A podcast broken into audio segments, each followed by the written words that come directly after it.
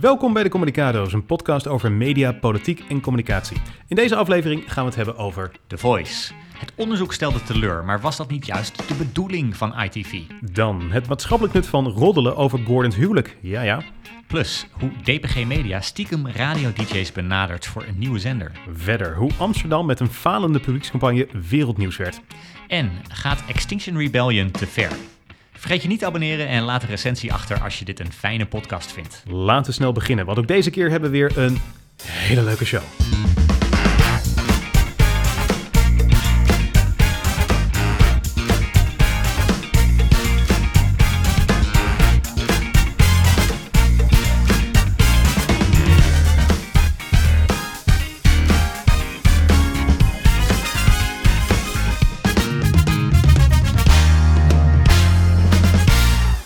14 maanden moeten wachten, vijf maanden langer dan een eh, zwangerschap. Maar het rapport is er. Het Ja, rapport zeker. van Van Doornen over The Voice. Ja, absoluut ja. Ja, eh, ze hebben eh, behoorlijk wat onderzoek gedaan. 62 mensen gesproken, 600 documenten ingezien. En het resultaat is dat iedereen unaniem negatief is over dit onderzoek. Angela de Jong zei het kan meteen weer de prullenbak in. Johan Derksen zei het is een flutrapport. En Sebas Dijkstra, de advocaat van de slachtoffers, die zegt het is teleurstellend. Ja. En toch vind jij het stiekem wel een goed rapport. Nou, ik, ja, niet inhoudelijk gezien, want eh, ik deel, deel de kritiek eh, van alle andere mensen. Maar ik denk vooral dat er een uitgekiende PR-strategie achter zit. Die onvoldoende begrepen wordt door heel veel mensen. En die tegelijkertijd, denk ik, lessen moet eh, bieden voor de toekomst. Want ik denk dat we heel vaak denken: er is een crisis ergens. En er wordt dan een rapport of een onderzoek aangekondigd. En dan is het een soort van walhalla. Ah, kijk, we hebben de oplossing van de crisis te pakken. Dat is natuurlijk niet hoe het werkt. En daar moeten we het even goed over hebben. Want dit rapport is niet bedoeld om het licht te schijnen op dingen die niet goed gingen. Het is eigenlijk bedoeld om ze juist in de doofpot te stoppen. Dat is de PR-strategie die hierachter zit. Ja. En dat is ook wel gelukt, hè? Want jij zat deze week het 8 uur journaal te kijken. Ja, Jij zat te wachten op het moment dat het rapport van The Voice voorbij kwam. ja. En wat zag jij? Nou, het was niet het eerste onderwerp. Nee, Het was niet het tweede onderwerp. Het was niet het derde. Het zat helemaal niet in het 8 uur journaal. het hele rapport werd Nee. niet genoemd in het 8 uur journaal. Nee, en dat geeft wel een klein beetje aan wat er eh, qua tijd is natuurlijk eh, veranderd. Hè? Want uite- eh, als deze conclusies een jaar geleden, dus dat is dan twee maanden nadat het Voice-schandaal is eh, zeg maar uitgebroken, als het toen was gekomen, dat was waarschijnlijk heel groot nieuws geweest. Doordat uiteindelijk de tijd verstrijkt, gaat de druk van de ketel. En dat is vaak de functie van zo'n rapport. En dat zag je ook hier. Dus dit, onderzoek aankondigen is een soort van PR-strategie. Ja. En er zat ook eigenlijk ook niks natuurlijk in het rapport wat Nee. nieuwswaardig was. Precies. Nee, dat is heel terecht dat eh, de NOS er geen aandacht aan heeft besteed. Of in ieder geval in het 8 uur journaal niet. Talkshows hebben dat wel gedaan, die hebben het overigens wel besproken. Maar de belangrijkste kritiek is natuurlijk dat er geen namen en rugnummers in werden genoemd. Dus we weten niet wie verantwoordelijk is voor wat er gebeurd is bij The Voice van de directie, zeg maar. De, de bazen, de leidinggevende bij ITV. Ja. Weet je waar ik een smerige smaak van in mijn mond kreeg? Nee? Dat de rechtvaardiging die werd gebruikt om een rapport op te stellen, of eigenlijk niet eens het rapport, maar de publieke versie van het rapport die wij Ja. gezien hebben. Ja. De rechtvaardiging die werd gebruikt om geen namen te noemen is, we moeten de slachtoffers beschermen. Ja. Maar uiteindelijk werd dat vooral gebruikt om daders en de mensen die eh, dat gedrag jarenlang hebben toegestaan, om die uit de wind te houden. Ja, precies. Dus ja, eigenlijk worden de slachtoffers hier dubbel misbruikt. Ja. Hè, dus nadat er allerlei misstanden al zijn geweest, worden zij misbruikt om de bestuurders van ITV te beschermen. Ja, exact. Ja. ja, dat ben ik helemaal met je eens inderdaad. Ja. En weet je, die negatieve publiciteit die ITV heeft gekregen afgelopen week, ik denk dat dat iets is wat ze niet eh, fijn vinden. Maar tegelijkertijd, ik denk dat dat gewoon ingecalculeerd is. Want ja, je hebt een dag met een beetje negatieve publiciteit. Nou, het zat dus niet in het 8 uur journaal, dus het valt ook wel weer mee, zou je kunnen zeggen. Maar het voordeel van eh, deze ene dag, wat je daarvoor terugkrijgt, is dat je in eerste instantie hebt duidelijk gemaakt van wij gaan het probleem serieus nemen door een uitgebreid onderzoek te doen. Nou, dan krijg je toch al een paar punten van credit van het Ja. Wat er ook in de tussentijd gebeurt, is dat de druk een beetje van de ketel gaat. Zodat uiteindelijk kunnen ze veel makkelijker ermee wegkomen om niet mensen bij ITV te ontslaan uit hun functie. Het is heel aannemelijk dat sommige mensen daar extreem hebben gefaald. Dat ze er wel van af wisten en Ja. niks hebben gedaan. Die mensen die zitten er dus nog. Wie dat zijn precies weten we niet. En wat zij wisten en op welk moment weten we niet. Nou eh, ja, goed. Eh, die mensen die blijven dus waarschijnlijk zitten. Ja. En als laatste voordeel, 14 maanden lang hoefde ITV, Talpa en RTL geen commentaar te geven op allerlei lastige vragen. Talpa heeft het ook aangekondigd. Eh, ze hebben gezegd van we gaan extern onderzoek laten doen. En dat betekent dat we lopende dat onderzoek geen enkele mededeling meer doen over het hele gebeuren bij The Voice. Dus er kwamen aan de lopende band nieuwe vragen en ook nieuwe gevallen. Denk bijvoorbeeld aan Nienke, dat slachtoffer wat bij Bo zat van Jeroen uh, Rietbergen. Die kwam op een gegeven moment in de media. Ja, dan zegt Talpa gewoon heel erg eenvoudig van jongens, daar gaan we niks over zeggen, want er loopt nog een onderzoek. Dus het is een manier om 14 maanden lang alle vragen uiteindelijk daarvoor je uit te schuiven. Dat is uiteindelijk wat ze ermee hebben gewonnen. Dus die ene dag negatieve publiciteit, ja. het is het helemaal waard, gezien alles wat ze ervoor terugkrijgen. Ja, het is ook natuurlijk de basis van, uh, van de communicatiestrategie. Dat je het, het, het, goede nieuws wil uitspreiden over zoveel mogelijk momenten. Maar het slechte nieuws wil je zoveel mogelijk op één moment naar buiten brengen. Ja.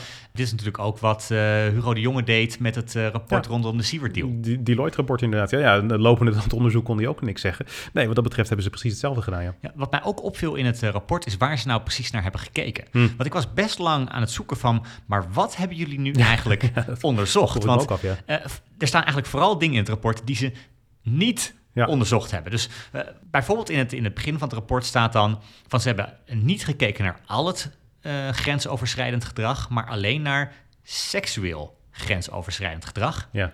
Vervolgens staat even later, we hebben alleen gekeken naar gedrag dat niet strafbaar is of niet eens mogelijk strafbaar is. Want als het wel mogelijk strafbaar zou zijn, dan hebben ze het direct doorgestuurd naar, uh, naar het OM, of uh, de, de, politie uh, daar. Nou, als je een Venn-diagram gaat tekenen met aan de ene kant alle gevallen van seksueel overschrijdend gedrag en aan de andere kant een cirkel met voor zover het niet strafbaar is. Ja. Er is wel echt wel een heel klein gebied waar die twee cirkels elkaar dan overlappen. En dat heeft dit rapport dus onderzocht. Ja, ja, Mariette Hamer zei het vergelijkbaar bij op één. Het was niet echt een cultuuronderzoek, uh, want dat zei ze ook expliciet. Het was niet echt een integriteitsonderzoek. Het zat daar ergens ook weer tussenin. Dus wat er nou eigenlijk hier onderzocht werd, is na afloop nog steeds niet helemaal duidelijk. Ja, en het onderzoek kwam 14 maanden later pas naar buiten, dus nadat het gestart is. Het, het, kwam naar buiten vlak na de mededeling van het OM dat Ali B. en Jeroen Rietbergen worden vervolgd. Twee weken daarna inderdaad, ja. ja. Is deze timing volgens jou nou bewust? Dat is heel bewust inderdaad, ja. Ik kan me niet anders iets voorstellen. En er zijn ook aanknopingspunten in het rapport uh, daarover te vinden. Wat mij opviel is dat het laatste gesprek vond plaats eind september 2022. Dus hmm. nadat ze het laatste gesprek hebben gevoerd, hebben ze er nog zes maanden over gedaan om het onderzoek af te ronden. Dat duidt erop dat ze al best wel een lange tijd klaar zijn. En dat ze gewoon hebben gewacht tot het Openbaar Ministerie dit nieuws naar buiten hebben gebracht. En dat ze daarmee vervolgens ook uh, dit naar buiten hebben gebracht. Ter vergelijking, Tim Hofman over die uitzending uh, van uh, Boos, of over de Voice van Boos, daar heeft hij ook zes maanden over gedaan. Dus ja, dat, dat geeft wel even, het zet het wel een klein beetje in perspectief. Van Doornen wilde even wachten totdat ze de inflatiecorrectie van 2023 konden doorberekenen. ja. Het zou kunnen, ja. ja. Nee, maar ze wilden gewoon het Openbaar Ministerie af. Dat is denk ik wat hierachter zit inderdaad, ja. Ja, ja dus daar, daar, dat is een bewuste keuze. Hoe kunnen we nou voorkomen dat we in het vervolg massaal teleurgesteld zijn over een onderzoek nadat we er heel lang op hebben gewacht? Ik denk dat we kritischer moeten zijn op als deze onderzoeken worden aangekondigd wat ze precies gaan doen. Want wat ik al zei, onderzoeken zijn er niet, zijn er eh, niet altijd om misstanden te openbaren. Soms is het juist bedoeld om ze toe te dekken. En dat betekent dat we niet genoegen moeten nemen met de mededeling dat er onderzoek is gedaan. Ik denk dat we op een aantal punten, als er onderzoek ergens wordt aangekondigd naar een schandaal, moeten doorvragen ten eerste, wat wordt er nou precies onderzocht? Dat is hier vanaf meet af aan eigenlijk niet duidelijk geweest met als gevolg een grote teleurstelling. Dan is de tweede vraag: wie doet het onderzoek? Een advocatenkantoor is niet hetzelfde als een bureau dat gespecialiseerd is in bijvoorbeeld integriteitsonderzoeken. Dus mhm. daar moet je ook een onderscheid in maken. Een advocatenkantoor werkt in opdracht van een cliënt bijvoorbeeld. Dat is echt al wezenlijk anders. Dat is niet onafhankelijk. Het is misschien onpartijdig, maar het is niet onafhankelijk. En we moeten ook kijken naar hoe het wordt onderzocht. Uh, die, die, dat onderzoek bij NOS Sport was slechts een inventarisatie waar geen wederhoor plaatsvond. Nou, dat is ook weer fundamenteel anders dan als je wel gaat kijken of de klachten die gedaan worden ook daadwerkelijk kloppen of niet. Of daar basis voor is. Dus daar moet over worden doorgevraagd. En als laatste wordt het uiteindelijk openbaar gemaakt of niet. Hier kregen we een samenvatting. Nou ja, jij merkte ook al terecht op, we weten niet precies wat er echt in dat rapport stond. Misschien staan daar wel namen en rugnummers in. Ja dat wil je gewoon van tevoren weten, want dan weet je in ieder geval waar we aan toe zijn. En dan weten we ook of we het serieus moeten nemen of niet. Ik denk eerlijk gezegd, als we dit allemaal hadden geweten over dit rapport, dan hadden we het niet serieus hoeven nemen. Ja, oké. Nu zit iedereen natuurlijk wel te wachten op de vraag, wat nu? Ja. Want er is nog zo'n programma, dat was toch ooit het, het succesvolste programma van Talpa, denk ik, The Voice. Ja. Komt dat terug? Nou ja, Ronald Molendijk zat deze week in uh, Shownieuws en die heeft altijd een hele gekke reflex. Als iets onder vuur ligt, dan zegt hij altijd dat het gemakkelijk terug kan komen. En hij was er inderdaad ook van overtuigd dat uh, Glennis Grace terug kan komen en dat The Voice ook heel makkelijk terug kan komen.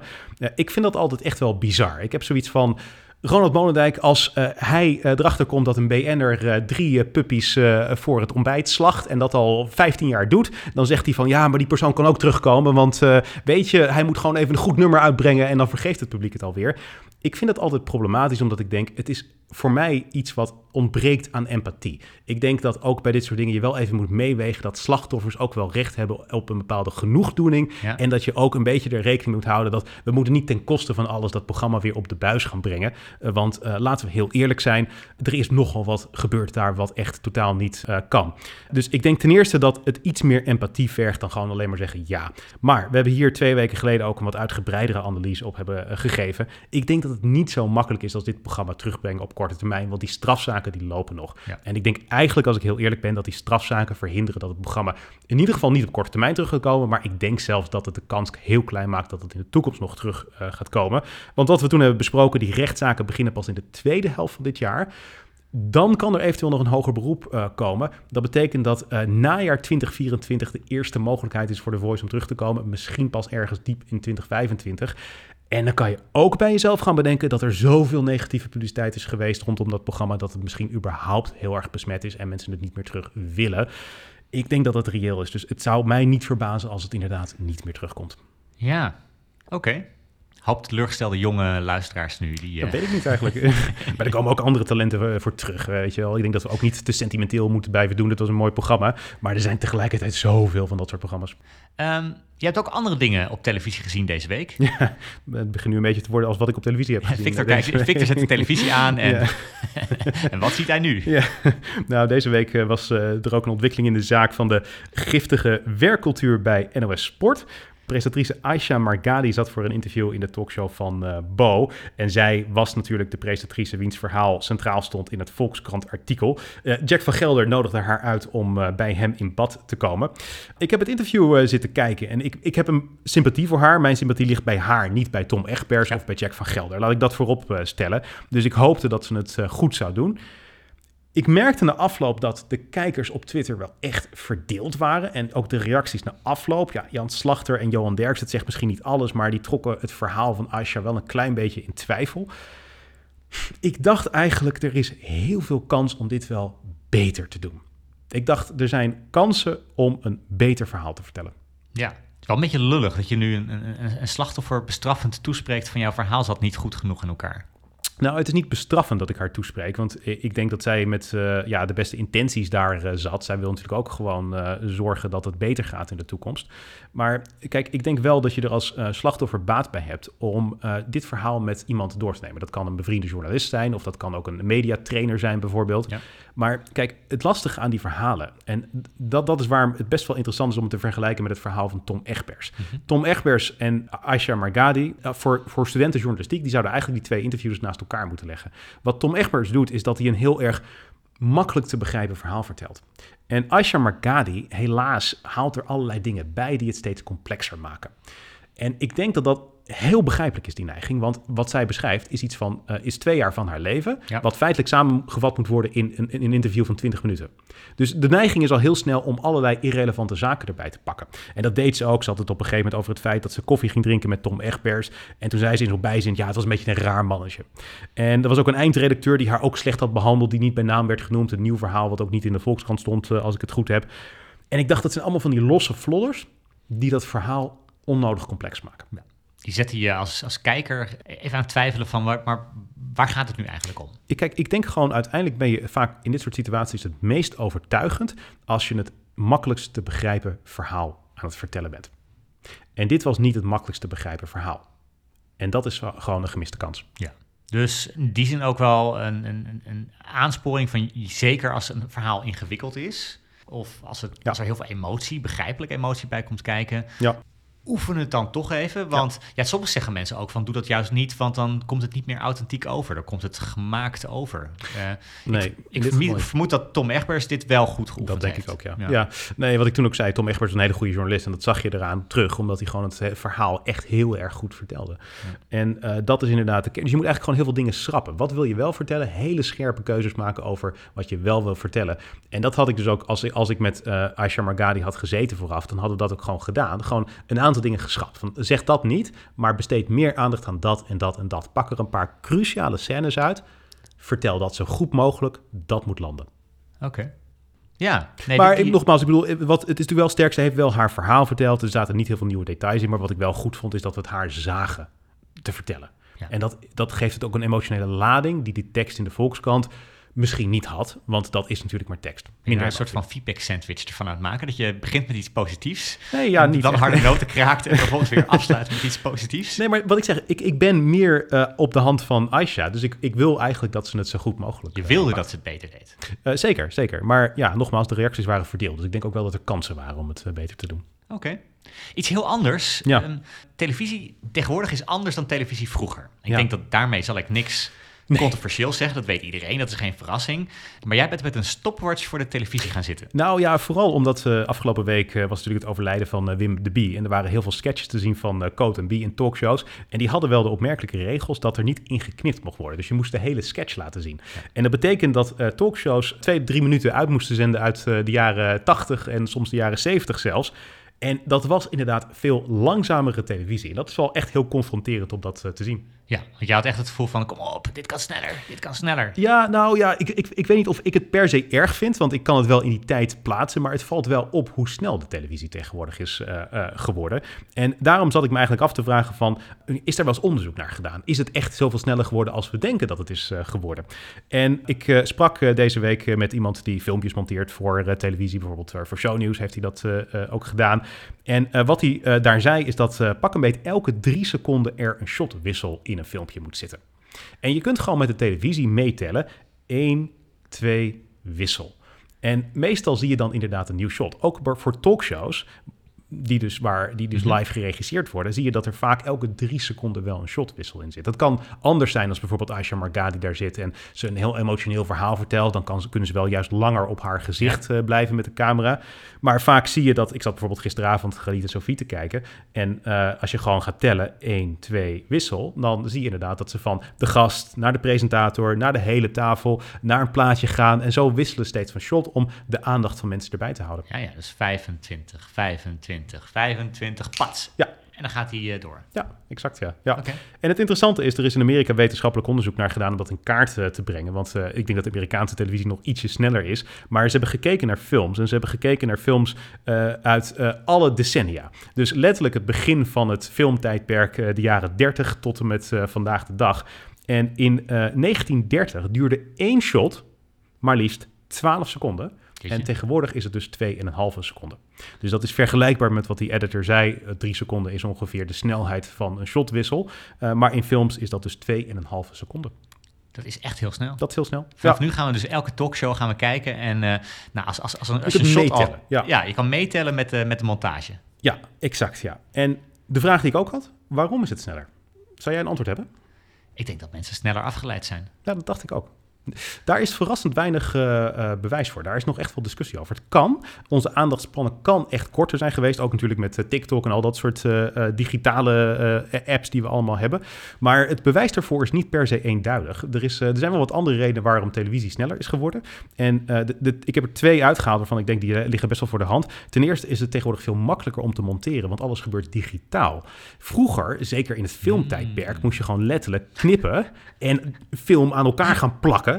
Dus uh, het was heel erg tijdrovend om te doen. Maar ook als je het eenmaal had gedaan, was het moeilijk om het weer uh, zeg maar te veranderen. En in Final Cut, als je daar gewoon zit, Final Cut Pro, als je daar gewoon in zit te monteren, kan je met één druk op de knop alles ongedaan maken. Dus monteren is veel makkelijker geworden, waardoor je veel meer beeldwisselingen erin kan doen. Dat is de eerste reden waarom het waarschijnlijk sneller is geworden. De tweede reden is ook dat er gewoon simpelweg meer concurrentie is. Dus rustmomenten zijn vaak zetmomenten of tijd om even op je telefoon te gaan zitten. En er is gewoon veel meer concurrentie. Niet alleen van de televisie, maar natuurlijk ook van allerlei andere dingen. Ook weer TikTok en YouTube, noem het allemaal maar op. En dat was er vroeger minder. En ik denk dat dit een van van de redenen waarom de Amerikaanse televisie in de jaren 60 en 70 ook echt wel sneller was dan de Nederlandse televisie. De Nederlandse televisie was eigenlijk wel uitzonderlijk langzaam. Maar in Nederland was er ook weinig concurrentie. Weet jij bijvoorbeeld wanneer Nederland 3 pas is begonnen? In jaren 80? Ja, 88. Ja. Ja, dus voor 1988 hadden we twee zenders in Nederland.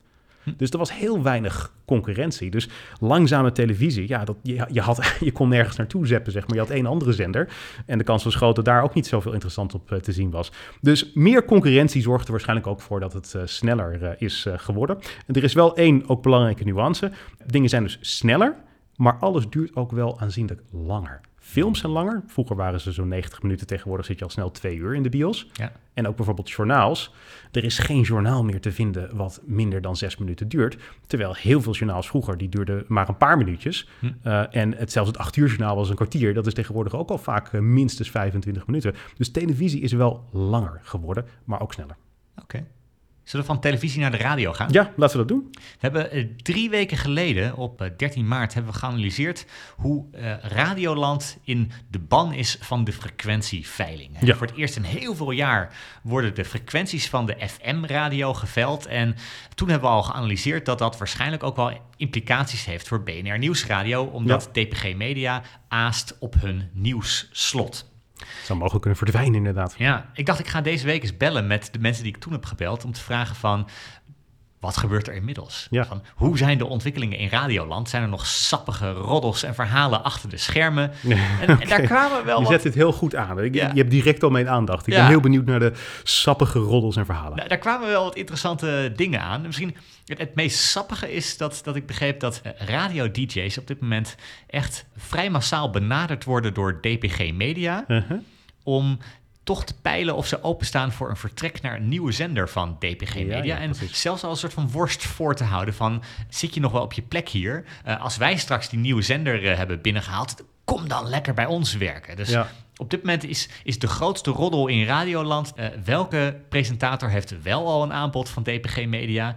en welke niet? Het is interessant natuurlijk, want DPG heeft Q-Music nu. Dat is de, de enige zender, maar daar Ja. kan eventueel dus een vervanger voor BNR eh bij komen. Maar het kan natuurlijk ook Joe zijn, die andere zender die ze nu digitaal hebben. Ja. Als ze daar een FM-frequentie voor hebben, dan willen ze hem waarschijnlijk uitbouwen met heel veel nieuwe DJ's. Ja. Dus dat zou inderdaad ook kunnen zijn waar ze naartoe gaan. Ja, dus er wordt al flink gehengeld in het eh, land van Heb de je presentatoren. namen en rugnummers? Want eh, die moeten in een rapport staan, hebben we net besproken. Heb jij, even, even, kunnen we even wat nieuws creëren hier? Nou, de, de mensen die, ik- die, die ik sprak, die zijn heel terughoudend met eh, specifieke roddels. Eh, maar een, een van de zenders die misschien gaat verdwijnen van de, van de FM is Veronica. Hm, ja, dat, dat ligt best wel voor de hand inderdaad. Ja. Talpa heeft vier zenders en ze mogen er maar eh, in de nieuwe wetgeving drie hebben. Dus dan moeten er één afstoten. En nou ja, Veronica is de minst scorende. Dus stel je bent nu een DJ bij een ochtendshow van Veronica. Je wordt goed geluisterd bijvoorbeeld. En nou ja, dan, dan zou het zomaar kunnen dat, dat je toch wel een belletje krijgt van... eh, hey, Dat wil je is- bij DPG ja, komen werken? Dat is Tim Klein op dit moment eh, die daar eh, zit inderdaad. Met de twee eh, oud sidekicks van Evers staat op. Ja. Sappig. Maar ik heb er meer. Oh. Ik heb er meer. Zo'n beetje alles op dit moment staat on hold in Radioland. Juist vanwege die enorme onzekerheid over de radiofrequenties. En Mhm. een van de effecten daarvan is dat de radio op dit moment een soort van freelancersparadijs is geworden. Ja, Want niemand krijgt op dit moment een contract aangeboden. nee. Of eh, contracten, daar zijn ze heel terughoudend om die te verlengen. Dus als je op dit moment freelancer bent en je bent toch op zoek naar een, eh, een, een baan, ga kijken of je iets in de radio kan doen. Want ze staan te springen om de freelancers die, eh, die daar aan de slag gaan. Dus dat, dat is even een aansporing voor de freelancers die ooit bij de radio aan de slag willen. Ja, Een andere, die ik wel vandaag zelf voor mijn rekening wil nemen, is een Mhm. voorspelling. oké. We hebben besproken dat DPG Media eigenlijk kost wat het kost de nieuwsfrequentie wil hebben. Ja, En want ze dit- hebben ook het AD en eh, allerlei andere kranten. Dus het is logisch inderdaad om, om, om een nieuwszender te starten met die merken en, en zeg maar de, de middelen ook van eh, die merken. Ja, en ik las al ergens dat ze dan waarschijnlijk een nu.nl radio gaan beginnen of zo. Ik denk niet dat ze dat gaan doen. Nee? Want wat ik denk, en dit is mijn theorie, Uh-huh. de kans is redelijk groot dat BNR straks niet de frequentie binnenhaalt. Ja, Dan heb je op een gegeven moment BNR, een zender met 0,5% marktaandeel, ja, zonder heel veel waarde. En de vraag is of FD Media Groep daar nog heel erg in wil investeren. ja. Nou, dan heeft ergens in augustus DPG Media dat binnengehaald, die frequentie. En dan moeten ze vanaf 1 september moeten ze al gaan uitzenden. Ja, Dat is heel erg kort om een nieuwszender van de grond te krijgen. En je hebt nul luisteraars. Dus daar moeten gigantische, dure campagnes komen om te zorgen dat je luisteraars aan je kan binden. Wat nou als DPG Media zegt, beste FD Mediagroep, jullie bij BNR, vraag eens wat jullie ermee willen gaan doen. Ja. Wij willen heel graag beginnen met 0,5% marktaandeel. Wij kopen BNR Nieuwsradio. Het alternatief voor BNR zou zijn dat ze doorgaan digitaal. Maar ja, dat is natuurlijk lastig. Dan kan je ze niet in de auto luisteren. Dus uh, dat is eigenlijk niet zo aantrekkelijk. Dus het is best aantrekkelijk voor FD om het dan maar te verkopen. Hier is mijn voorspelling. Heel snel nadat BNR die frequentie eventueel dus niet haalt, komt er een belletje van DPG Media die BNR gaan overnemen. Zou het niet kunnen zijn dat als ze het gekocht hebben, dat ze de naam veranderen naar nu.nl Radio? Ik denk dat ze daar nog even mee wachten. Want je moet echt heel veel moeite doen om dan bekendheid te creëren. Ik denk dat het veel makkelijker is om twee jaar BNR uit te zenden en dan de naam te veranderen. Ja. Dan direct vanaf begin een heel nieuw merk in de markt te zetten. Dat zou kunnen, ja. ja. Ik kan me voorstellen dat het lastig is om helemaal van uh, de grond te beginnen natuurlijk. Dus in dat opzicht zou ik het wel uh, begrijpen inderdaad, ja. ja. Um, heb jij het nieuws meegekregen dat uh, Gordon gaat trouwen, Lars? Ja, ja. zelfs ik. zelfs jij hebt het meegekregen. ja, ja, het was inderdaad heel groot. Hij heeft een relatie van uh, 2,5 maand. En uh, ja, ze gaan dus nu al trouwen. En dat schreeuwt hij weer van uh, de daken. Ja, ik heb een Google Alert op, op uh, Gordon natuurlijk gesteld. nou, ik stel, ja, we hebben wel heel veel Gordon-kritiek gehad. Ik stel voor dat... Wij zitten wel een beetje aan onze tax qua Gordon. Ja. Ik stel voor dat we dit niet heel Gordon-kritisch maken. Nee. De, ik wil het eigenlijk hebben over het feit wat nou het nut is van dit soort entertainment nieuws. Waarom zou je dit bespreken? En media worstelen altijd wel met die vraag, want aan de ene kant, het is wel vaak iets wat scoort. Als je bij nu.nl gaat kijken naar goed gelezen artikelen, dit soort dingen staan vaak wel hoog in het lijstje. Maar ja, het is entertainment, het is een soort van soap, maar dan met echte mensen in real time. Maar heeft het ook maatschappelijke waarde? Ik denk heel beperkt. Ja, dat kan ik me voorstellen. Ja, het interessante was uh, Jordi uh, Versteegde, dat is de entertainmentverslaggever uh, bij de Telegraaf. Hij heeft ook een podcast uh, samen met Evert Zandergoed die dagelijks uitkomt. En op zijn Facebookpagina heeft hij vorig jaar zijn scriptie gepubliceerd. En die scriptie gaat eigenlijk over, dat is ook de titel, de maatschappelijke functie van entertainmentnieuws. Dus ik vond het wel interessant om dat mm -hmm. te zien. Ik denk van, wat is dan die maatschappelijke functie? En ik, er zitten wel een paar interessante punten in, die ik ook wel een klein beetje herkende eigenlijk. Hij zegt eigenlijk van, er zijn vier functies van entertainment nieuws. Om ze even door te lopen. Ten eerste is het maatschappelijke standpunten innemen. Dus uh, bijvoorbeeld zou de wetgever meer kunnen doen om grensoverschrijdend gedrag te voorkomen bij de Voice. Nou, entertainment nieuws zou waarschijnlijk ook zo'n vraag behandelen. Ja. Ten tweede, normen en waarden overbrengen. BN'ers zijn rolmodellen en de vraag is eigenlijk van, leven zij volgens de juiste normen en waarden? Doen zij wat goed is of doen zij misschien minder goede dingen? Dat kan ook leiden tot de derde functie van entertainmentjournalistiek... Uh, en dat is dat het aanzetten tot zelfreflectie. Dus als BN'ers het op een bepaalde manier doen... geeft dat jou misschien inspiratie om het op dezelfde of juist op een andere manier aan te pakken. En als laatste een soort van opvoedfunctie. Wat zou jij doen in een bepaalde situatie als je daar ook terecht in komt? Ja. En ik vond het wel interessant, want eigenlijk waar het op neerkomt is dat we kunnen leren van hoe BN'ers bepaalde dingen aanpakken. Of we moeten het wel zo doen, of we moeten het niet zo doen. Ja, dus je kijkt, uh, op een gegeven moment kijk je s'avonds kijk je shownieuws. En aan het einde van die uitzending denk je van nou, ik ga morgen naar de supermarkt en laat ik deze keer niemand in elkaar slaan. ja. ja, ja, precies. Ja, ja. nou, ja, de ja, normen en waarden die je leert van Clarence Grace bij Shownieuws. Zo moet het niet, nee. Nee, ja, precies. Ja, maar kijk, als je dat even toepast op het uh, huwelijk van, uh, van, van Gordon. Ik, heb, ik merk dus wel bij mezelf, ik heb er wel een sterke mening over. Of je, of je dat zo snel bekend moet maken. Ja, het is een relatie van 2,5 maand. En niet alleen bekendmaken van... Ik zou denken, als je 2,5 maand samen bent... dan ken je elkaar nog lang niet goed genoeg... om zeker te weten dat dat tot een huwelijk uh, moet leiden. Ik vind het gewoon te hard van stapel lopen. Ja, ja, ja ik, ik, ben heel blij voor mensen als ze, als ze dat, dat, dat, dat hebben. Maar ik, ik vind het wel snel, ja. Ja, ik, vind om heel eerlijk te zijn een beetje een debiele actie. Want dat doet hij natuurlijk wel vaker, uh, dat hij heel erg hard van stapel loopt. Maar daarom zeg ik ook van de normen en waarden die erachter zitten... is dat ik denk dat uh, wat het voor mij... de reden waarom ik er een sterke mening over heb... ik denk eigenlijk dat mensen gebaat zijn bij wat meer een Calvinistische instelling. Dus wat meer ingetogen gedrag. Gordon is heel erg van de extreme. Hele hoge pieken, hele diepe dalen ook. Hè. Daar, daar kennen we hem ook van. Hij kan ook heel boos en verdrietig zijn. Maar er kunnen ook van die manische momenten in zijn. Ik denk dat het goed is om zowel die pieken als die dalen... wat wat te temperen bij jezelf. En dus juist wat meer ingetogen te zijn qua het uiten van je emoties. Ja, maar is het nou iets wat je al vond en vervolgens toepaste op Gordon? Of is het iets wat je bedacht nadat je Gordon zag? Nee. Nee, maar dit, ik, ik vond dit al voordat ik Gordon uh, zag. Maar ik heb de, de neiging om die mening te uiten. Omdat ik denk, ik moet mensen duidelijk maken dat dit een veel betere levensinstelling is dan wat Gordon doet. Ja, ja. Dus dit, dit, Gordon helpt jou om andere mensen te overtuigen van jouw Calvinistische levensstijl. Maar daarom zeg ik van het feit dat wij het erover praten. Dat ik weet niet wat alleen mijn Calvinistische levensstijl is. Volgens mij uh, is dit een levensstijl die best wel veel mensen hebben. Want niemand gaat na een relatie van 2,5 maand al trouwen, nee. merk ik op. En Gordon heeft ook heel vaak in dit soort situaties gezeten. hij is heel vaak heel manisch, zeg maar. En we weten ook nu hoe dit gaat eindigen. Want waarschijnlijk over een paar maanden uh, gaat dat huwelijk helemaal niet door. Want die relatie is weer uit en ze hebben weer uh, slaande ruzie en al dat soort eh, dingen. Dat is hoe dit soort dingen gewoon altijd gaan. Maar ik bedoel, je hebt het eigenlijk over de vraag van hoe moet je je leven leiden? Dat is een hele wezenlijke vraag. En ik zeg ook niet dat entertainmentjournalistiek in de plaats moet komen van politiek, want dat zou ik ook niet goed vinden. Politiek is ook heel erg belangrijk. Maar het heeft wel een bepaald nut om daarover te praten met z'n allen. Beetje zoals tekenfilmseries uh, jongeren helpen bij morele dilemma's. Ja. Van stel jij bent uh, Spider-Man en je, krijgt op, je hebt op een gegeven moment super... Wat doet jouw horloge Ja, nou? mijn horloge is weer... Mijn Siri is heel erg actief de laatste tijd. Eh. dat was ik iets wat triggerde. Ga door. Maar stel je bent Spider-Man, je op een gegeven moment merk je dat je een soort van superkrachten hebt. Heb je dan ook de morele plicht om die te gebruiken om de wereld beter te maken? Dan heb je eigenlijk een, zoiets als een tekenfilm. Gebruik je om een morele discussie te voeren. Goed voorbeeld, ja. Nou, en jij zegt van entertainment nieuws is eigenlijk precies dat, maar dan voor volwassenen. Ja. Wij praten over morele vraagstukken, uh, over normen en waarden aan de hand van uh, sterren op televisie. Ja, dat, dat is denk ik wel hoe het gaat inderdaad, ja. ja. Hm. Grappig toch? Dan, moet, dan, dan moeten we die sterren ook dankbaar zijn. Voor, voor, die, voor die rol die zij in ons leven uh, vervullen om dit soort dingen bespreekbaar te maken. Ja, nou ja, ja, zeker. Maar ik bedoel, ze krijgen er ook wat voor terug natuurlijk. Hè? Want ze zijn uh, over het algemeen, het zijn sterren, het zijn, het zijn vermogende mensen die uh, heel veel aandacht en al dat soort uh, dingen die, die bij beroemd zijn horen krijgen.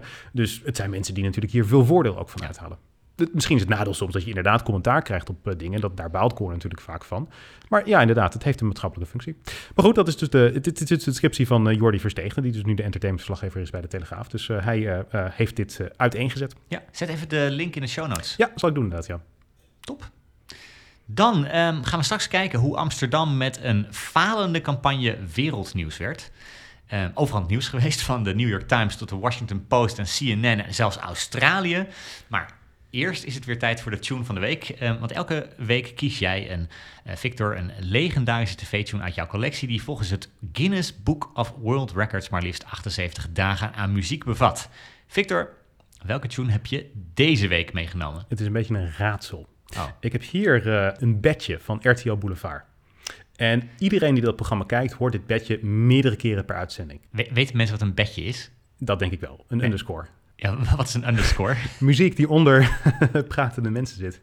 Oké, ja. Dus, de, dus je, hoort, je hoort de muziek een beetje op de achtergrond, maar je luistert er niet heel bewust naar. Nee, het speelt op de achtergrond inderdaad. Okay. Uh, het bedje van RTL Boulevard, wat je dus nogmaals echt heel veel hoort daar, daar zit een hele bekende andere tune in verwerkt, die al oud is, maar ontzettend herkenbaar. Hm. Ik ga je eerst even het bedje laten horen. Uh, dan gaan we eens even kijken of jij een Lars. Ik denk dat je de tune waar het uiteindelijk om gaat, zeker weten kent.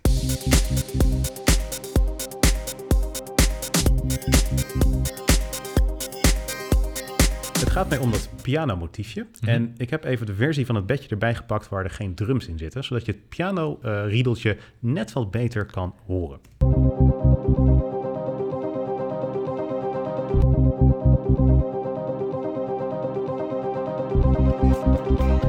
Klinkt een beetje ABBA-achtig, eh, maar uh, waar het vandaan komt, uh, geen idee. Het komt uit de NOS Jeugdjournaal Tune van 1985. Oh, maar dat, had ik, dat, dat wist ik ook wel. Dat, dat, dat, dat is hem natuurlijk. hij is wel heel lang gebruikt, die tune. Het is een hele, ik ga hem zo dadelijk laten horen. Dat is een hele bekende Jeugdjournaal Tune. Hij is echt tot 1993 gebruikt. Oké. Jij hebt toch ook Jeugdjournaal vroeger gekeken, hoop ik? Heb ik al gekeken, ja. Ja, ik ja. zeggen, ja. Oké, okay, Marga van Braag. Legendarische televisie. Oké, okay, maar ik ga je nu even de tune laten horen. Daar komt hij.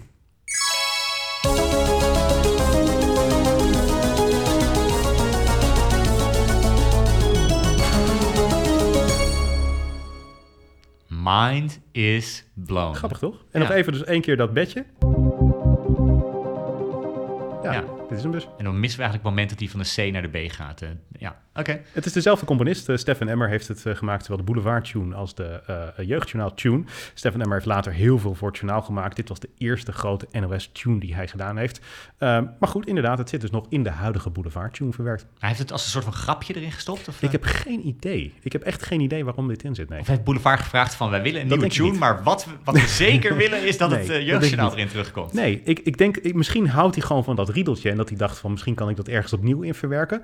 Uh, dat zou kunnen. Ik, ik weet niet waarom het erin zit. Oké, helder. Ja. Zullen we het gaan hebben over Amsterdam? Laten we dat inderdaad gaan doen, ja. Want Amsterdam was ineens wereldnieuws. Ja. Dinsdag verscheen er een uh, bericht op amsterdam.nl en daar stond boven: Amsterdam lanceert de campagne Stay Away tegen overlastgevend toerisme. En wat ze hebben gedaan, ze hebben een campagne opgezet met twee tamelijk amateuristische filmpjes. Ja. Die ze specifiek volgens het persbericht wilden richten op Britten tussen de 18 en 35 jaar oud. Maar alleen als ze dan op bepaalde dingen zochten. Dus als jij zoekt op een vrijgezellenfeest in Amsterdam, of getting drunk, of getting trashed in Amsterdam dan zie je dit soort filmpjes. En daar waren ze volgens mij best trots op, want dat hebben ze groot op een, op een website gezet. Kijk eens, dit is onze campagne. Ja. Dinsdag stond tot online. Uh, woensdagochtend werd ik benaderd door Marcel Wiegman van het Parool. Want die, die vroeg wat ik ervan vond. Nou, ik had dat nog helemaal niet gezien. Maar ik zag die filmpjes en ik, ik schrok me dood. Ik dacht, wat is dit een ongelooflijk domme campagne. Het is sowieso al opmerkelijk dat er een stay-away-campagne gevoerd wordt. Want normaal gesproken wil je natuurlijk zoveel mogelijk toeristen aantrekken. Ja. Maar dit is duidelijk gericht op het voorkomen van overlast. Bepaalde toeristen willen ze niet hebben. Ja. En jij zegt dit zijn hele slechte filmpjes. Nou, kijk, het punt is niet alleen de filmpjes, maar de hele campagne eigenlijk. Want ik wil eigenlijk analyseren wat er fundamenteel niet klopt aan deze campagne. En als jij zegt slechte, uh, slecht, een slechte campagne, dan, dan zeg je dus ook van het bereikt zijn doel niet. Hè? Dus het, het zorgt er niet voor dat deze mensen, deze mannen tussen de 18 en de 35 uit Groot-Brittannië, die blijven niet weg hierdoor. Nee, sterker nog, ik zal laten zien dat het averechts werkt volgens mij. dus, en dat was eigenlijk allemaal dinsdag al te voorspellen. Hmm. Want wat gebeurt er in deze campagne? Je legt eigenlijk volledig de nadruk op dat wat je niet wil benadrukken. Ja. Want uh, je legt de nadruk op uh, allemaal mensen die hier naartoe komen voor de drugs en voor de alcohol en uh, wildplassen, lawaai, schreeuwen, et cetera. Ja. En, en dat is natuurlijk eigenlijk helemaal niet de kant van Amsterdam die je wil benadrukken. Kijk, als de, als de piloot in het vliegtuig zegt van kijk allemaal naar links, want rechts is niets te zien. Ja.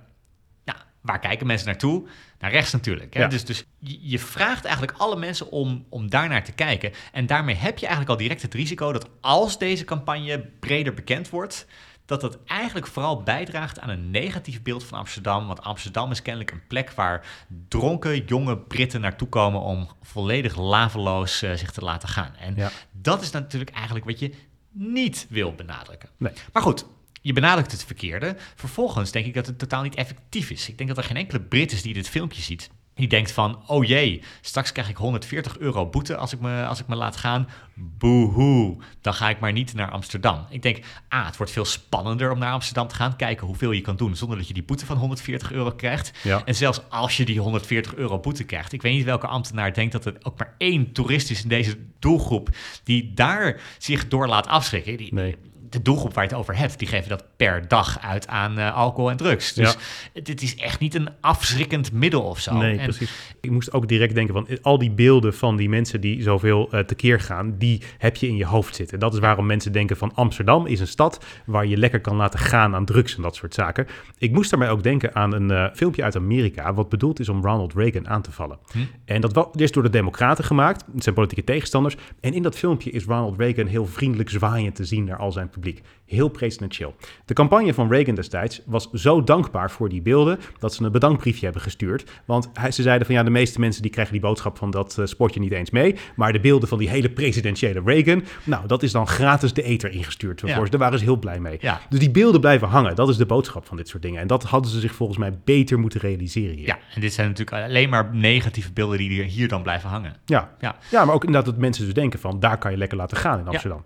Precies dat, ja. En het was eigenlijk zo pijnlijk dat ik op een gegeven moment ook gewoon afvroeg van, maar wie is dan de echte doelgroep van dit filmpje? Is, is, zijn die Britten hier de werkelijke doelgroep? Of is dit stiekem eigenlijk meer een, een campagne gericht op Amsterdammers? Ja. Want er zijn Amsterdammers die ergeren zich aan de gevolgen van massatoerisme. Zeker. Die ergeren zich aan dit soort toeristen. Eh, ik, ik, dacht, misschien zit er wel een soort van bestuurlijke stoerheid. Van kijk ons eens alles uit de kast trekken als gemeente om dit tegen te gaan. Wij zijn goed bezig. Ja, kijk, wij als gemeente doen dat gewoon. voor jou, speciaal. Voor jou als Amsterdammer. Maar dan dacht ik van ja, maar dan is die, dat totale amateurisme van die filmpjes die gemaakt zijn, als, als, zien eruit alsof een, alsof een scholier dat tijdens een uh, project heeft gemaakt, zeg maar. Is dat weer niet te begrijpen. Dus ik snapte daar echt helemaal niets van.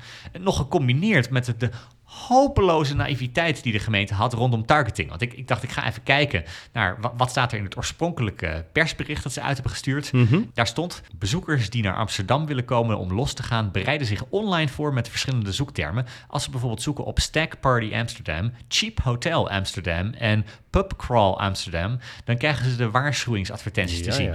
En er lijken daar echt wat mensen bedacht te hebben dat wij lanceren deze campagne en de enige mensen die dit gaan zien, dat zijn die Britten. Ja dat ging natuurlijk direct mis. Dat was heel voorspelbaar. Hier kwam direct aandacht aan. Het, uh, The Guardian, de New York Times, Washington Post. Allemaal hebben ze hier aandacht aan besteed. Ja, dat, idee was dus eigenlijk een soort van micro-targeting. Maar omdat de campagne zo ontzettend opvallend was... is die door alle massamedia opgepakt en uh, ziet iedereen hem nu eigenlijk. Waarmee ja, iedereen bereikt. En ook dus bijvoorbeeld die toeristen die dachten van... we willen naar het Van Gogh in Amsterdam gaan... en die zien alleen maar dronken Britten. Exact, ja. Dus die denken van nou, laten we maar ergens anders naartoe gaan dan. Precies. Dus, dus eigenlijk, ja, daarmee bereik je volstrekt de verkeerde doelgroep. Dat merkte ik zelf ook. Want eerst werd ik geïnterviewd door, uh, door het Parool. Ja. En op een gegeven moment kreeg ik interviewverzoeken vanuit Australië. Vandaag nog kreeg, ik een, waar, uh, kreeg ik een interviewverzoek... of ik live op de Australische televisie wil analyseren... wat hier precies misgaat met deze campagne. De Australian Broadcasting Company. Ja, NBC. ABC, ABC, ja. Zeker.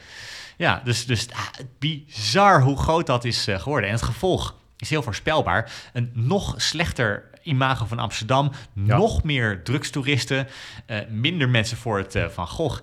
En mensen die zich afvragen van wat is er in hemelsnaam met Nederland gebeurd? Ik had, ja. Deze week sprak ik iemand van, uh, van de Europese Commissie en die begon er zelf over. Die zei van waar is de openheid van, uh, van Nederland gebleven? Wat is dit voor xenofobe campagne? Is, ja, maar dit is toch een gigantische publicitaire blunder? Ja, absoluut.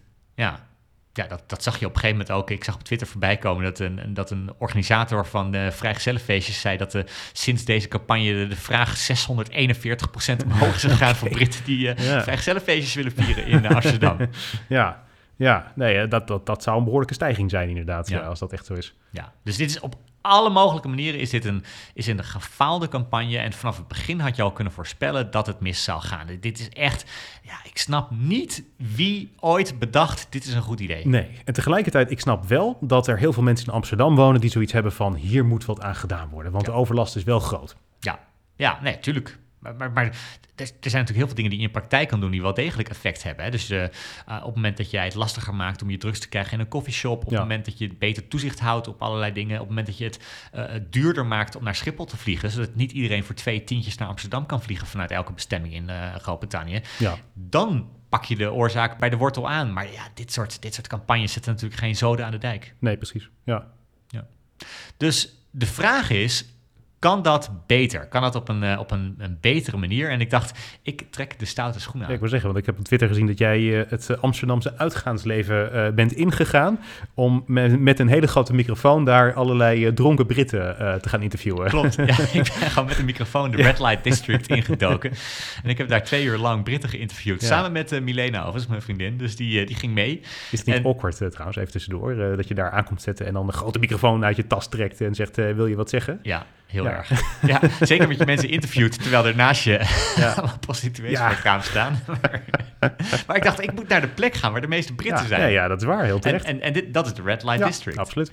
Daar, daar wat sowieso opviel is dat iedereen wist over deze campagne. Hm. Mensen lieten echt zien van, kijk, mijn moeder die heeft me vanochtend een appje gestuurd. Want die wees me op deze campagne. Dus, dus iedereen wist over deze campagne. Ze hebben ook, bijvoorbeeld op de BBC-website uh, gelezen. En klopt. dan, uh, ja, precies. Ja, Dus, uh, dus dat, dat viel heel erg op. Maar ik dacht van ik vind het wel leuk om te kijken van hoe, hoe had die campagne er ook uit kunnen zien. Want ik denk dat überhaupt deze campagne geen goed idee is. En de vraag is of überhaupt een campagne op dit gebied een goed idee is. Maar ik vind wel dat als wij mensen bekritiseren, dan, dan, moeten we ook gewoon laten zien van hoe dan wel. Gewoon even met de billen bloot. Laten wij als communicado's een, een ander sportje maken om, om, om te kijken hoe het ook kan. Ik dacht, een paar elementen wil ik daar echt heel anders doen. Om te beginnen moet de boodschap veel positiever zijn. Mhm. In het sportje moeten dingen genoemd worden die Amsterdam wel te bieden heeft. Hè. Dus al die mooie musea, historie en zo, dat moet in het sportje moet dat, uh, genoemd worden. Ik denk twee, je moet de juiste boodschapper hebben. Want uh, laten we wel zijn, ik denk dat geen enkele Britse toerist zal luisteren naar wat een gemeente nee. te vertellen heeft. Nee, zeker als hun vrienden goede ervaring hebben gehad in Amsterdam, dan uh, vertrouwen ze dat veel meer. Precies, dus je wil niet naar de gemeente luisteren. Ik dacht, naar wie luisteren Britse toeristen wel? Andere Britse toeristen. Klopt. Ja, dus je, moet als boodschapper niet de gemeente hebben, maar Britse toeristen. En sense. Ik denk ook niet dat de, de boodschap moet zijn van uh, kom hier niet, want je wordt door de politie uh, opgepakt of zo. De boodschap moet zijn, wij zijn gewoon, wij, wij kwamen hier om te feesten.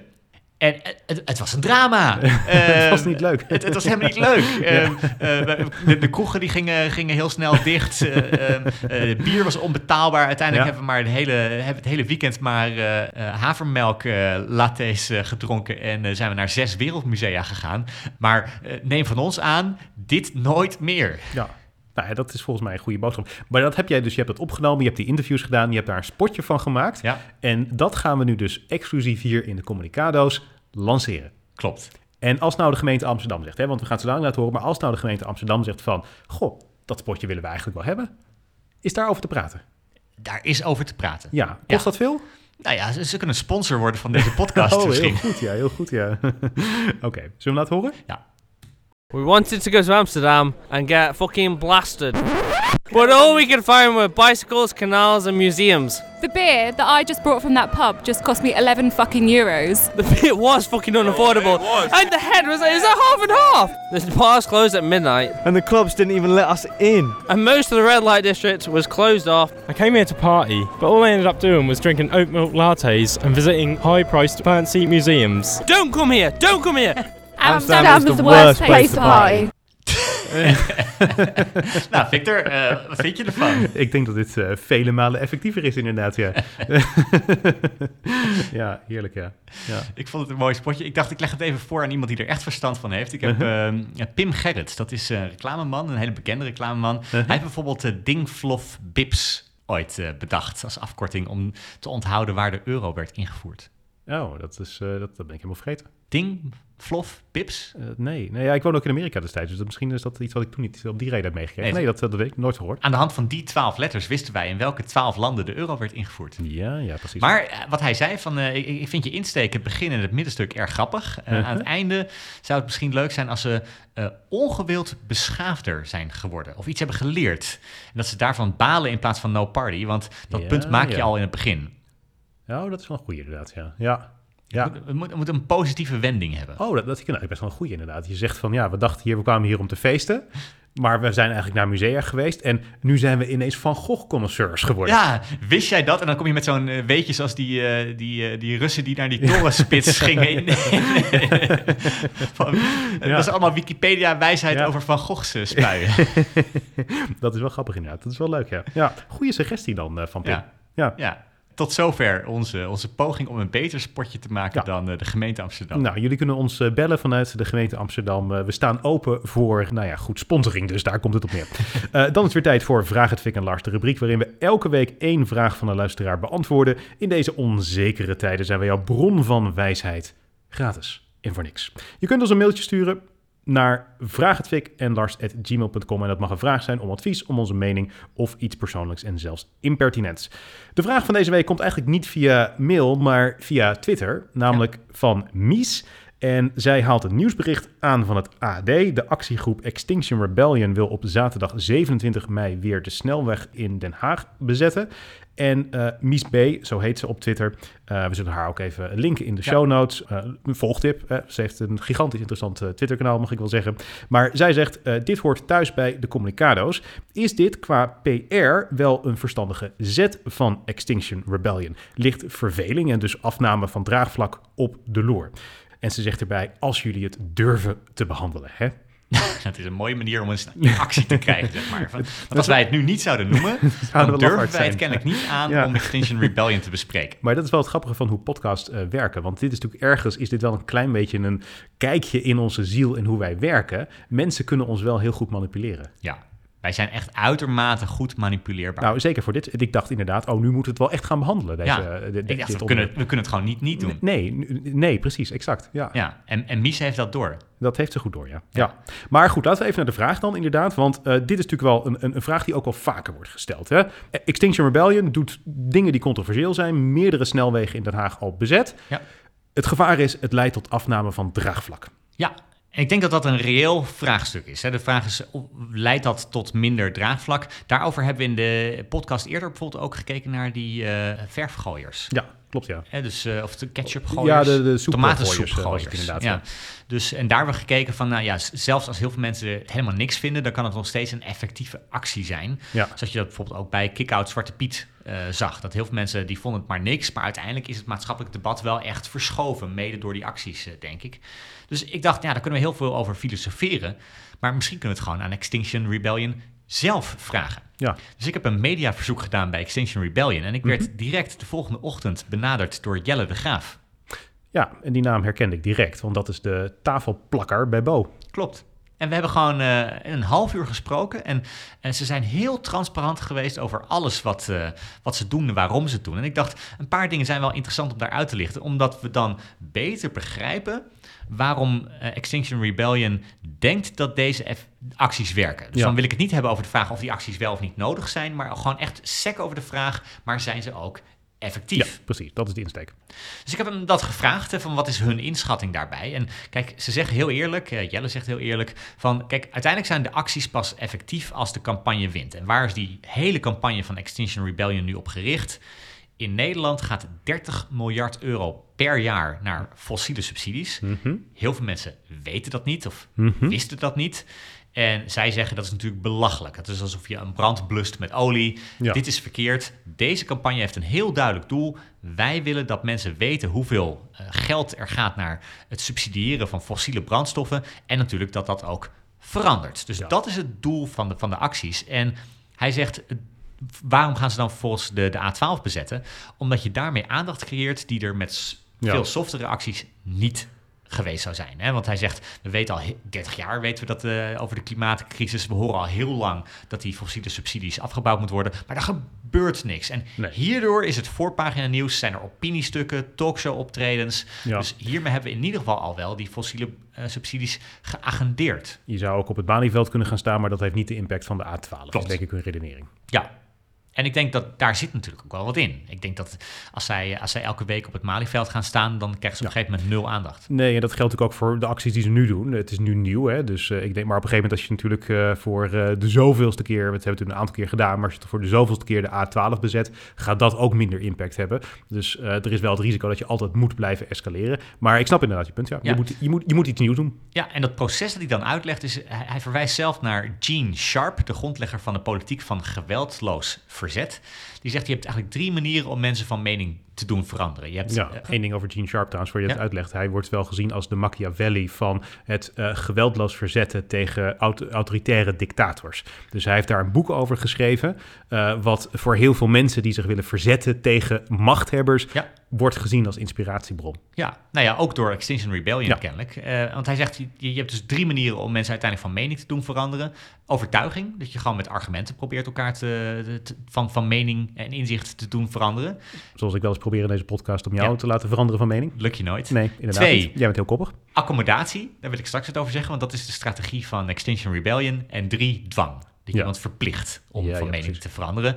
En bij Extinction Rebellion zeggen, zetten ze zich heel erg in op uh, het tweede. Want zij zeggen ook van, kijk, een mythe die heel vaak bij progressieve, redelijke Nederlanders leeft, is dat je puur door argumenten elkaar kan overtuigen. En ze zeggen, dat, dat is redelijk naïef. Uh, want zij zeggen, hoe machtiger het systeem is dat je wil veranderen, hoe minder grote kans dat je dat puur met overtuiging voor elkaar krijgt. En accommodatie is eigenlijk wanneer je ervoor zorgt dat de machthebber in dit geval het misschien niet met je eens is, maar denkt, ja, uiteindelijk is het toch gewoon makkelijker Ja. om erin mee te gaan. En dat zie je bijvoorbeeld bij ABP Fossielvrij, die hele actie om het eh, eh, pensioenfonds, om dat fossielvrij te krijgen.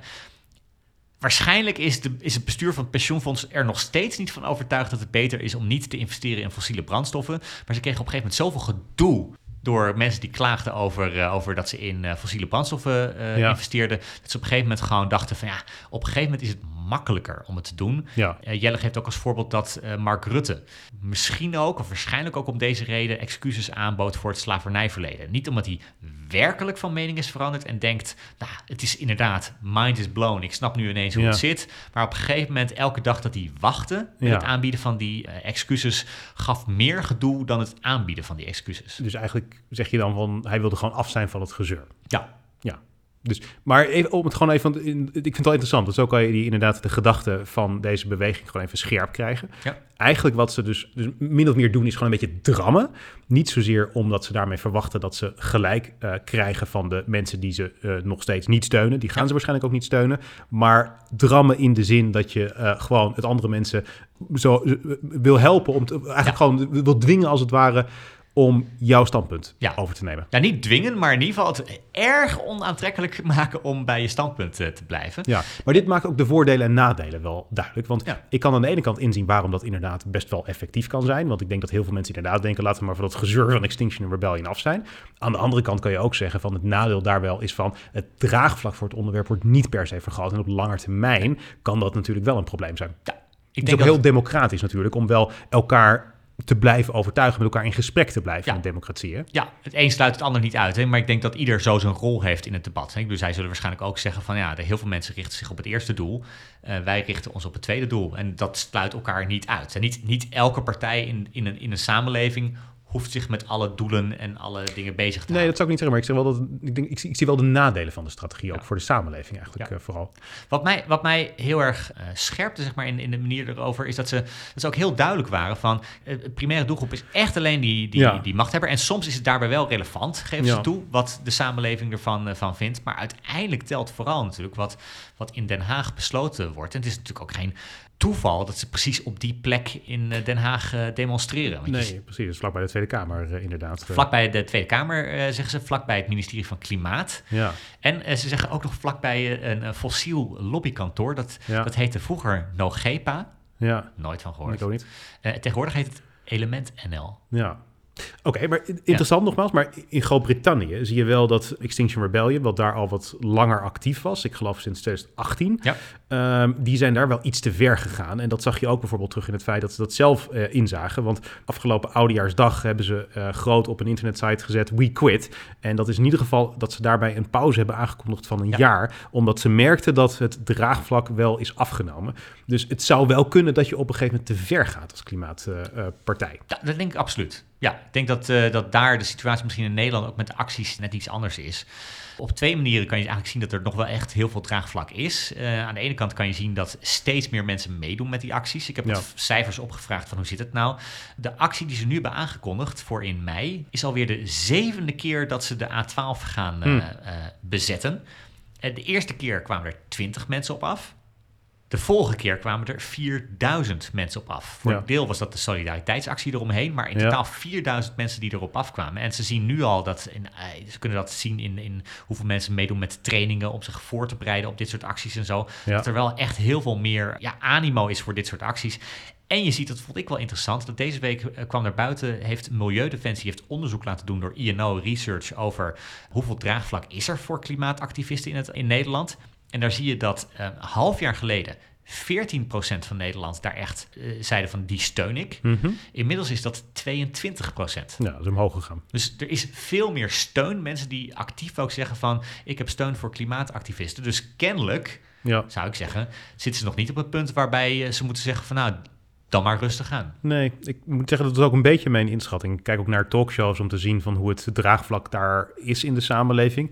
En ik denk dat je nog steeds ook daar, het is niet helemaal representatief natuurlijk, maar je ziet ook daar dat er best nog heel veel steun is. Eh, Ja. En ik denk dat je vaak zorgen moet gaan maken als mensen die erom bekend staan dat ze klimaatactivist zijn, dat die zich tegen je uit gaan spreken.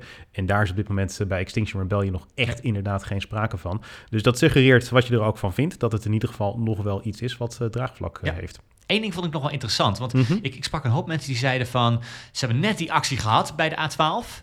en ze hebben de dag later, of twee dagen later... hebben ze al aangekondigd dat ze in mei opnieuw de A12 gaan bezetten. Ja. Is dat niet een bewuste provocatie? Want hi- hiermee provoceer je toch echt de, de, de boel dat je zo snel al bekend maakt. We hebben nog, nog net de discussie gehad over hoe, hoe was het nou die laatste actie. En direct al kondig je de volgende actie aan. Ja. Dus ik heb even gevraagd van waarom doen jullie dat twee maanden van tevoren? En dat vond ik ook wel, eh, vond ik ook wel interessant. Wat ze zeiden is, kijk voor heel veel mensen, dat kost best wel veel tijd om bij zo'n actie aanwezig te zijn. Je moet er een hele dag voor vrij houden, misschien wel twee, Ja, als je ook nog in aanraking komt met, eh, met de politie. Er is natuurlijk heel veel politiegeweld Zeker. geweest, ook Ja. de, de laatste eh, actie. Het kost tijd voor Extinction Rebellion om mensen te trainen. Het is niet Ja. zo dat ze zomaar zeggen van, nou kom maar hier naar deze plek en ga dan maar eh, demonstreren. Nee, dus het, het vergt veel voorbereiding, zeg je eigenlijk. En daarom moet je het op tijd aankondigen. Anders kan je niet garanderen dat daar veel mensen naartoe eh, Je kunnen krijgt komen. een training. En wat ik ook wel leuk vond, gewoon wat grappig. Want ik dacht van, je, op een gegeven moment is zo'n actie aangekondigd... en je moet je gewoon melden bij de A12 en dan, dan ben je daar. Nee, je, je wordt eerst onderdeel van een soort van affiniteitsgroepje... van zes tot tien mensen. Daar hou je dan ook twee maanden contact mee. Je moedigt elkaar aan om te gaan. Je verzamelt samen ook bij die, bij die actie. Oh. Zorgt voor elkaar. Voelt jezelf verantwoordelijk Ja. voor, voor elkaar. ik dacht van, dat vind ik wel heel slim. We hebben beide campagne gevoerd voor, eh, voor Obama. Dit deed me heel erg denken aan de Get Out of the Vote campagne. Want je, je maakt mensen ook echt heel erg... Je kan niet anoniem wegblijven ineens of zo. Hè? Dus, nee, dus als jij zo'n affiniteitsgroepje hebt van tien mensen... Ja, het wordt wel heel duidelijk wie heeft zitten cheffen en wie weg is gebleven, zeg Ja. maar. Dus, dus eh, op, daar zitten wel echt heel veel dingen in waarvan ik dacht... dat pakken ze toch ook wel slim aan. Het heeft ook een beetje iets van een secte. Ja, misschien is dat mijn aversie tegen dat soort eh, groepjes altijd. Maar ik, ja... je zit elkaar natuurlijk heel erg op te stoken van... "Hé, we moeten iets doen. En we moeten, weet Ja. je, het, het, het, is wel wat dat betreft een plaats waar je makkelijk kan radicaliseren natuurlijk. Eh, Nou ja, dat gebeurt eigenlijk natuurlijk totaal niet. Hè? Want je, ziet- je ziet dat... dat, dat nee, echt niet? Nee, vind ik niet. Ik, Nee? ik- nee, ja, Geen radicalisering, nee? Nee, vind ik niet. Dat daar, je, het je, je hebt, je hebt klimaatdebat is toch wel zeer alarmistisch eh, tegenwoordig. Hebt een, eh, een, een strook. Het is eigenlijk niet eens een snelweg zelf. Hè. Het is, een, het is de afrit van de, van de A12. eh, waar, waar mensen met een viool eh, m- muziek maken. Nou, kom, kom Nee, op. ja, het is kan dat nou erger. nee, ergste? Dat ben ik op zich mee. Nee, maar dit zijn tactieken die vijf jaar geleden niet zijn eh, gebruikt. Ik bedoel, radicalisatie. Ja. eh, ik, ik, ik, ik vergelijk het niet met eh, Osama Bin Laden. Hè. Ja. Ik zeg niet dat, ze- dat, dat, dat ze dat aan het doen zijn. Nee, maar ik bedoel, zou er eens bij moeten komen, Victor. Nee, maar ik, ik, zeg wel van, je ziet volgens mij, dit is ook wel wat polarisatie natuurlijk wordt genoemd. En ik, ik, ik zeg het zonder waardeoordeel, hè, want ik begrijp best dat er mensen vanuit de klimaatbeweging zeggen van, het is nodig en we moeten dit doen. En dat vind ik tot daaraan toe allemaal, maar het is natuurlijk zo dat iedereen altijd denkt dat hij het gelijk in handen Ja. heeft. En het risico is altijd dat mensen denken van, ik ga ondemocratische middelen gebruiken. Dat doen ze nogmaals niet, dus dat zeg ik niet, maar Nee. dat is natuurlijk wat radicalisatie is en dat ligt altijd op de loer. Ik denk dat er twee redenen zijn waarom ik daar niet direct bang voor ben. Eén, dat echt in alles wat ze doen, in elke training wordt benadrukt, het gaat om geweldloos verzet. Dus dat Mhm. is echt alles rondom Extinction Rebellion. Het gaat om geweldloos verzet. Ja. En twee, eh, wat ik ook wel interessant vond, ze zeiden van...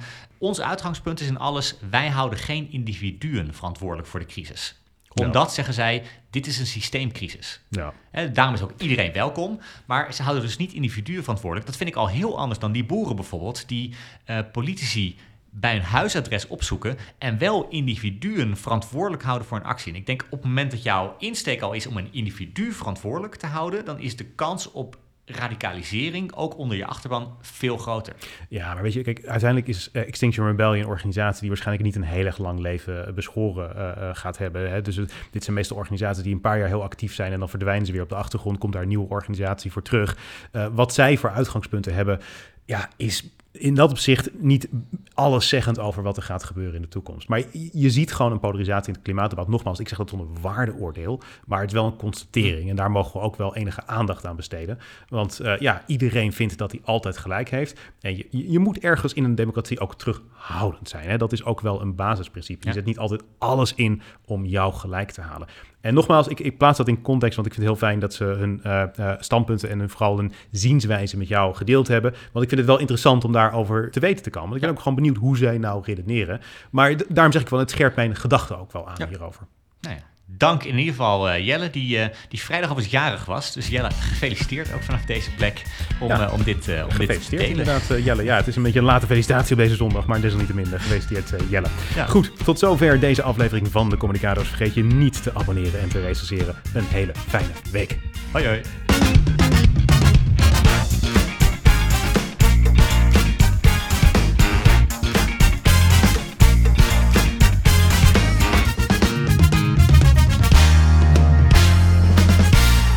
Came to party, but spent most of our fucking weekend but spent most of our fucking weekend drinking oat milk latte. drinking oat milk latte. That was truly on the That's too far. That's too far. That's, that's the boring drink. Boys, we're done.